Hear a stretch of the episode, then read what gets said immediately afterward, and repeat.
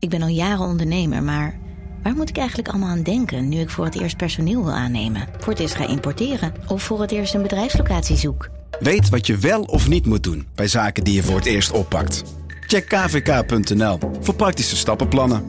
KVK, hou vast voor ondernemers. Hey podcastluisteraar. Ook op zoek naar een relevante invulling van je schaarse luisteruren? Tune dan in op de podcastserie ESG, even samengevat van BNP Paribas. Wij, Marloes en Aldert, spreken daar duurzame voorlopers en wereldverbeteraars. Waarover dan? Nou, bijvoorbeeld of we ooit duurzaam kunnen gaan vliegen. En waarom koeien in de stad nou een goed idee is? Dat en meer elke twee weken in een nieuwe aflevering. Dus abonneer je. ESG, even samengevat. Vanaf de redactie van NRC het verhaal van vandaag. Mijn naam is Thomas Ruip.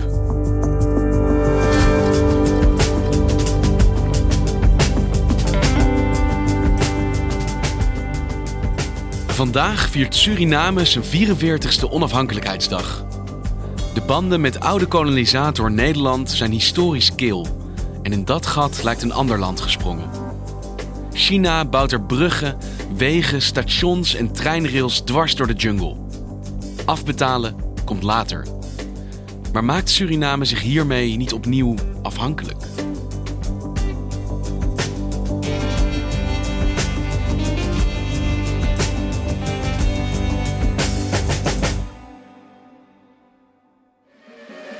Paramaribo enkele uren voor het begin van de onafhankelijkheid. Tegen middernacht beginnen in het stadion van de Surinaamse hoofdstad de feestelijkheden in tegenwoordigheid van prinses Beatrix en prins Klaus. Alle bevolkingsgroepen in hun eigen specifieke dracht zijn vertegenwoordigd in het stadion als onder het spelen van het volkslied de vlag van de nieuwe republiek Suriname wordt gehesen. Vandaag is het 44 jaar geleden dat Suriname onafhankelijk werd van Nederland. En in Suriname is dat uh, nog steeds een enorme feestdag. Een spontaan volksfeest barst los. Het begint s ochtends met een uh, défilé. En daarna barst eigenlijk het feest los. Nina Jurna is Zuid-Amerika-correspondent en woonde elf jaar lang in Paramaribo. Uh, mensen zijn prachtig gekleed in uh, verschillende klederdrachten van Suriname. Het is echt een uh, gigantisch feest en dat duurt de hele dag en, en ook s'avonds. 44 jaar is relatief jong, het is een jong land. Dus het gaat er wel over van, nou, wat zijn onze verworvenheden, waar gaan we naartoe? Maar afhankelijk aan wie je nou vraagt, speelt Nederland nog een rol of niet? Dan krijg je het antwoord uh, ja, of sentimenteel, van uh, was het maar, waren we nog maar een kolonie? Of nee, blij dat we los zijn, verlost van de kolonisator. Want in Nederland zie je eigenlijk wel een soort heropleving van interesse in Suriname. Ik bedoel, NRC-gebouw zit in Amsterdam aan het Rokin. Je hoeft hier maar een paar meter te lopen naar de Nieuwe Kerk. En je ziet daar een gigantische poster voor een Surinaamse tentoonstelling. Nee, dat valt me ook op. Er is enorme opleving in Nederland, met name als het gaat om zeg maar uh, historisch bewustzijn van de Nederlander. Wat mij juist opvalt in Suriname, want ik kom daar nog regelmatig, hoewel ik er zelf niet meer woon, is dat uh, Suriname juist heel erg veel meer met de regio ook bezig is met uh, Latijns-Amerika. Recentelijk was er ook een Russische minister op bezoek. Dus Suriname is juist, zeker qua politiek, zich juist aan het losmaken van Nederland al een tijdje. Maar als je kijkt naar het land en dan met name de richting van de regering, is die niet ge erg gericht meer op Nederland. Integendeel. Want jij bent elf jaar correspondent in Suriname geweest. Je bent nu Zuid-Amerika-correspondent, maar ook Suriname valt in jouw portefeuille. Hoe heb je dat zien ontwikkelen de afgelopen jaren? Nou, toen ik in Suriname kwam wonen, dat was in het uh, jaar van het millennium. Het Suriname kwam uit een hele zware tijd en was nog een heel geïsoleerd land. Uh, op een bepaald moment waren de verkiezingen en toen kwam Ronald Venetiaan aan de macht van de oppositiepartij, van de, de, de NPS. En toen ging de deur naar Nederland weer helemaal open. De landen kwamen weer dicht bij elkaar voor het eerst in lange tijd. Ja, die relatie werd weer helemaal opgebouwd. En uh, er werd ontzettend veel geld weer geïnvesteerd in Suriname. Um, dus de banden werden aangehaald, cultureel, maar ook financieel. Cultureel, financieel, alles werd weer aangehaald. Suriname en Nederland waren ja, de beste vrienden, om maar even zo te zeggen, op dat moment. En toen? Nou, toen uh, waren er verkiezingen in 2010 en toen won de NDP, uh, de partij van Bouterse. En Bouterse werd zelf president. De persoon Bouterse is voor Nederland een heel omstreden figuur. Dus toen hij president werd, toen werd alles weer teruggedraaid. Zo waarlijk, help mij God almachtig. Maar de band met Nederland staat onder zware druk sinds Desi Bouterse in augustus president werd. Veeg niet van tafel dat Bouterse hier in Nederland veroordeeld is tot 11 jaar gevangenisstraf vanwege drugscriminaliteit. Ik veeg niet van tafel dat er op dit moment nog steeds een proces loopt in Suriname wegens betrokkenheid van de decembermoorden. Het geld werd stopgezet, er, eh, de banden werden verbroken. In Suriname was de reactie van uh, waar bemoeit Nederland zich mee? Want Nederland moet dit respecteren op consulair niveau. Dus de verhouding werd eigenlijk uh, bekoeld en tot het ja, meest uh, functionele teruggebracht. Maar uh, Suriname is toen begonnen ook met het, het intensiveren van contacten met andere mogendheden buiten Nederland om. Ja, als, we, als Nederland het niet doet, dan zoeken we andere mensen om die rol te vervullen. Dan gaan we verder zonder. Precies. En ja, en dat, uh, dat is eigenlijk de laatste jaren is dat veel, uh, heeft dat een toevlucht genomen. Dat Nederland in principe, zeker op, uh, als het gaat om het buitenlands beleid van Suriname, nauwelijks meer een rol speelt. En hoe merk je dat op een dag als vandaag, op deze onafhankelijkheidsdag? Dat Nederland niet meer de logische buitenlandse partner van Suriname is? Nou ja, wat ik opmerkelijk vind is dat uh, bijvoorbeeld uh, president Bouterse uh, na het défilé van vandaag doorvliegt naar China om daar een staatsbezoek af te nemen. Hij gaat op de onafhankelijkheidsdag van zijn eigen land naar China. Ja, want China is op dit moment voor Suriname eigenlijk de allerbelangrijkste partner als het gaat om buitenlands beleid. En wordt dat ook steeds meer. Dus dat hij ervoor kiest om, om op een dag van vandaag na het officiële gedeelte naar China door te vliegen, dat vind ik geen toeval. En dat China nu zo'n rol in Suriname heeft, hoe zie je dat daar? China heeft al een lange relatie met Suriname. In 1853 zijn de eerste Chinese migranten naar Suriname gekomen. En die hebben zich gemengd uh, met de Surinamers. En uh, de Chinezen waren in winkels. Uh, de Chinees op de hoek is in Suriname een, een, een omoesnesi, oom, oom Chinees, zeggen ze. Dat is de Chinees die de supermarkt heeft en broodjes verkocht. Dat was in de tijd van mijn oma al zo. Nou, de laatste jaren is die aanwezigheid van Chinezen enorm gegroeid, omdat die banden zijn uh, aangetrokken. In Suriname wonen 600.000 mensen en het land is vijf keer groter dan Nederland. Dus het is, er is enorm veel ruimte. Er komen dus ook heel veel Chinezen naartoe. De schattingen toen ik daar woonde, waren, ze lagen toen al op uh, 15.000, maar dat is tien jaar geleden. Dat aantal is nog veel groter. En dat is ook zichtbaar in Suriname. Restaurants and supermarkets. 90% of them are now Chinese owned, including small grocery shops and food shops. Over the past decade and a half, the Chinese have built hundreds of shops, casinos, restaurants, and businesses across this country, 15,000 kilometers away from Beijing. Want we hebben het nu over Chinese individuen die naar Suriname komen, bedrijven openen. Maar zie je ook dat die twee overheden meer met elkaar verknoopt raken? Absoluut. Als je kijkt naar projecten die uh, vanuit China in Suriname worden geïnitieerd, investeringen, bijvoorbeeld in de infrastructuur, dat is gigantisch. Suriname bestaat voor uh, praktisch 90% uit uh, Amazone regenwoud. Ja, dat was, waar wegen naar het binnenland waren altijd heel ontoegankelijk. Dat waren bauxietwegen, die waren niet geasfalteerd. Chinese overheidsbedrijf Dalian is begonnen met het asfalteren van, van belangrijke wegen naar het binnenland. Dus dat gebied is helemaal ontsloten. Bruggen worden gebouwd. Er um, schijnt zelfs schijnt een plan te zijn om een, om een, om een trein te bouwen in, uh, in Suriname door China. Een dus, um, door de jungle? Door de jungle. Je hebt in Suriname ook bedrijven die zich met infrastructuur bezighouden. En die hebben hun opdrachten echt zwaar achteruit zien gaan. Waarom gaat de Surinaamse overheid dan liever in zee met zo'n Chinees bedrijf en niet met lokale Surinaamse bedrijven? Onder andere omdat zij het niet direct hoeven te betalen. Zij, zij kunnen dat allemaal op aflossing doen. Is dat typisch Chinees beleid? Dat ze zeggen van nou, we doen dit voor je, we bouwen het en betaal later maar. Dat doen ze ook in uh, landen als uh, in, uh, in andere Latijns-Amerikaanse landen. Bijvoorbeeld in Nicaragua zijn voorbeelden dat ze dat hebben gedaan. Maar ook op het Afrikaanse continent. Het is een methode van China om ook landen aan zich te binden. Ik heb interviews gehouden met verschillende mensen over dit onderwerp. Onder andere met een oud ambassadeur van Suriname in China, die daar nog altijd woont. Maar ook met een voorzitter van de Vereniging van Economisten in Suriname. En dan krijg ik toch het beeld dat China um, andere eisen stelt dan bijvoorbeeld Europese landen als Nederland. Als het gaat om het verstrekken van leningen. Mensenrechten. Ja, het wordt makkelijker een lening verstrekt daar waar Nederland of Europa sneller kijkt naar uh, ja, wat zijn de mensenrechten van dit land. Worden die geschonden bijvoorbeeld? Of wat is de, de, hoe staat dit land bekend als, uh, als, als aflosser van de schuld? Kijkt China daar veel minder naar.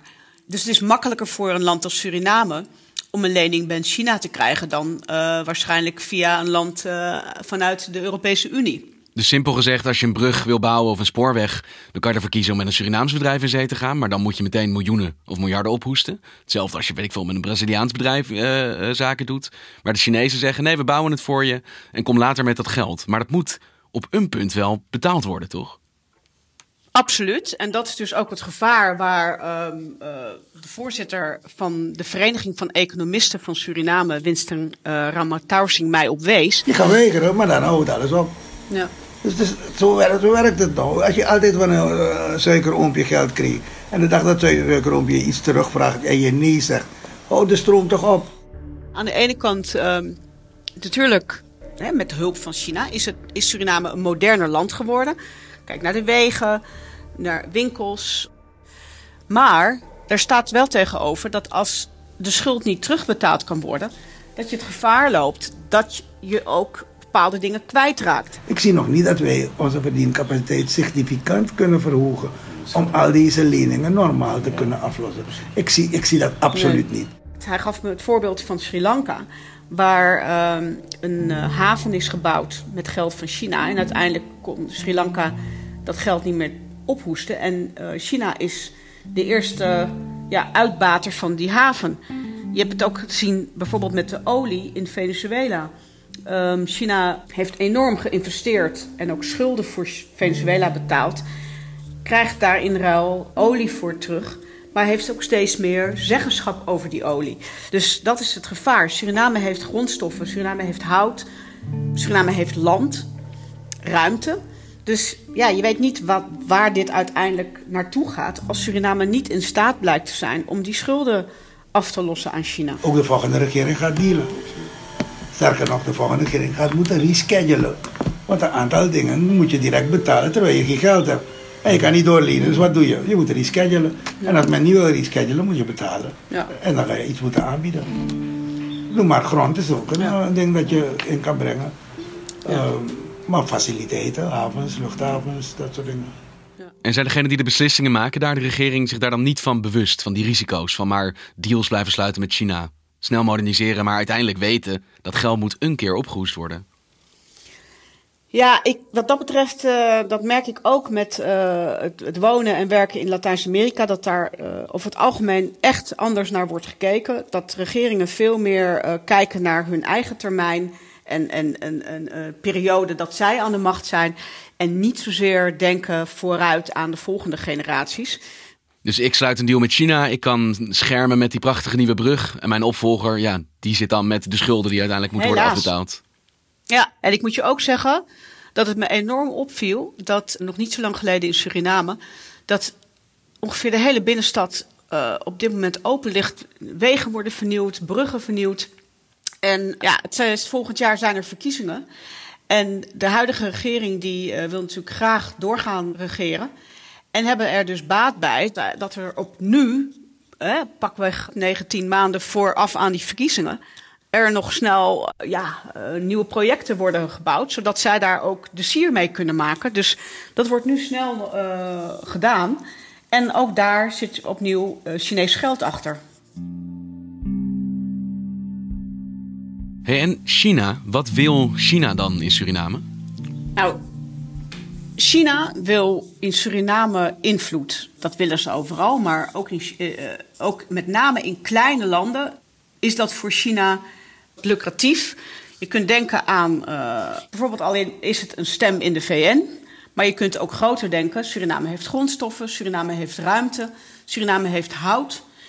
Uh, er is uh, door de Wereldbank al vaker gezegd dat Suriname in potentie het 17e rijkste land ter wereld is. En dan hebben we het puur over de grondstoffen die er zijn. Het 17e rijkste land? Het, ja, in potentie. En wat is het nu? Nou, het staat nu ergens volgens mij op de 123ste plek, zeg ik uit mijn hoofd hoor. Vrij, vrij laag. Ja, nog een verschil. Het, uh, al die grondstoffen niet, ja, die worden niet uit de grond gehaald. Omdat Suriname daar zelf niet de capaciteit uh, voor heeft. En is uh, op dit moment China eigenlijk, ja, men zegt wel de suikeroom van Suriname. Dus diezelfde familieband eigenlijk waar eerst Nederland voor gebruikt werd, is nu China geworden? Ja, alleen ik denk dat dat veel verder gaat, omdat China natuurlijk een grootmacht is en Nederland vergeleken met China natuurlijk een, een hele kleine speler. En China ook een heel duidelijk internationaal beleid heeft om de invloed uit te breiden. En China door de Surinamers en ook door de regering, maar uh, ik denk ook door de Surinamers, niet zozeer wordt gezien als de kolonisator, maar eerder als een, ja, een natie, een niet-westerse natie, die vanuit een, een, een niet-eurocentrische ja, gedachtegang weliswaar expansie uitoefent, maar dat toch minder wordt gezien als een, um, als een koloniale mogendheid. Ja, dus op het eerste gezicht biedt het eigenlijk heel veel voordelen. Maar op de lange termijn zitten er dus wel risico's aan je zo toch afhankelijk maken van deze economie die een behoorlijke nou ja, uitbreidingsdrift heeft. Ja, het is, het is, uh, het is riskant. De Chinezen zijn super flexibel. Ze worden niet echt gehinderd door regels. Nee. Je kan niet meer daar uh, noem maar naar de rechtbank gaan om iets te, uh, tegen iets te vechten of zo. Dus het, daar is het echt georchestreerd. Dus ik denk dat dat inderdaad makkelijker is om zaken met China te doen. In hoeverre, Nina, denk jij dat China nu eigenlijk die rol van Nederland, die Nederland historisch gezien had in Suriname, heeft overgenomen? Nou, als het gaat om zeg maar, het buitenlands beleid en politiek en economisch, denk ik absoluut zeker. Dat uh, Nederland telt dan niet meer mee. Dan is echt China is ja, het nieuwe Nederland voor, uh, zeker voor deze regering. Dus uh, dat heeft China echt overgenomen. Maar bijvoorbeeld ook cultureel, wat mij opvalt, is Chinees nieuwjaar. Dat is echt uh, steeds belangrijker geworden. 25 januari, het was altijd al een belangrijke feestdag, maar het is onderbouwd. Dus is het een nationale vrije dag geworden. En dan, uh, nou, dan heb je de Chinese ambassadeur, die ontvangt dan de regering, belangrijke ministers, mensen die ertoe doen in Suriname. Toen ik in Suriname woonde, was dat eigenlijk wat Koningsdag was.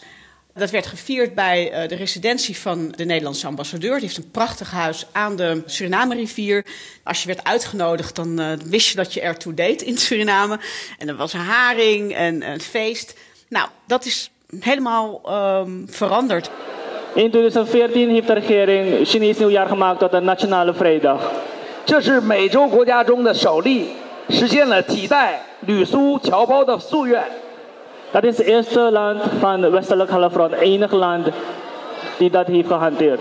这充分说明广大华侨华人为苏里南发展繁荣所出的重要贡献，得到了苏政府和其他族裔的充分认可。 We zien dat, dat het een erkenning is van de bijdrage die de Chinezen heeft geleverd aan Suriname. 中华文化以扎根苏里 In hoeverre bestaat de mogelijkheid dat het misschien te laat is? Dat Nederland dit te veel heeft laten lopen en ja, eigenlijk China dat gat heeft opgevuld. En Suriname misschien wel klaar is eigenlijk met Nederland. Maar je moet niet vergeten, er wonen nog altijd uh, ruim 300.000 Surinamers in Nederland. En een tweede en derde generatie die altijd familieleden zal blijven houden in Suriname. Dus die band zal er altijd op familiair uh, gebied bestaan. Ik denk dat het ook vooral belangrijk is dat, ja, dat, Nederland ook wel ziet van nou, dat is een eigen land. 44 jaar onafhankelijk Suriname bepaalt ook zijn eigen richting. En dat ook misschien serieuzer neemt. En niet vanuit een gevoel van wij willen bepalen welke regering daar zit of, of hoe de regering zeg maar, functioneert. Dat, dat valt heel uh, verkeerd bij Suriname. Ligt, dat ligt heel gevoelig. Want dat doet toch denken aan de oude kolonisator die nog steeds wil bepalen wat er daar gebeurt. En uh, dat level is Suriname echt ontstegen, zou ik zeggen. Dankjewel, Nina. Graag gedaan. Je luisterde naar vandaag, een podcast van NRC. Eén verhaal, elke dag. Dit was vandaag, morgen weer.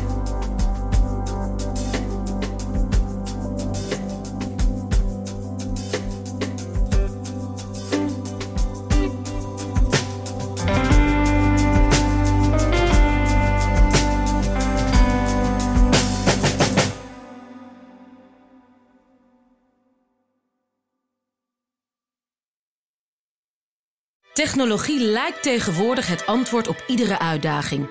Bij PwC zien we dit anders. Als we de potentie van technologie willen benutten, kunnen we niet zonder een menselijk perspectief. Human-led, tech-powered noemen we dat. Ga naar pwc.nl.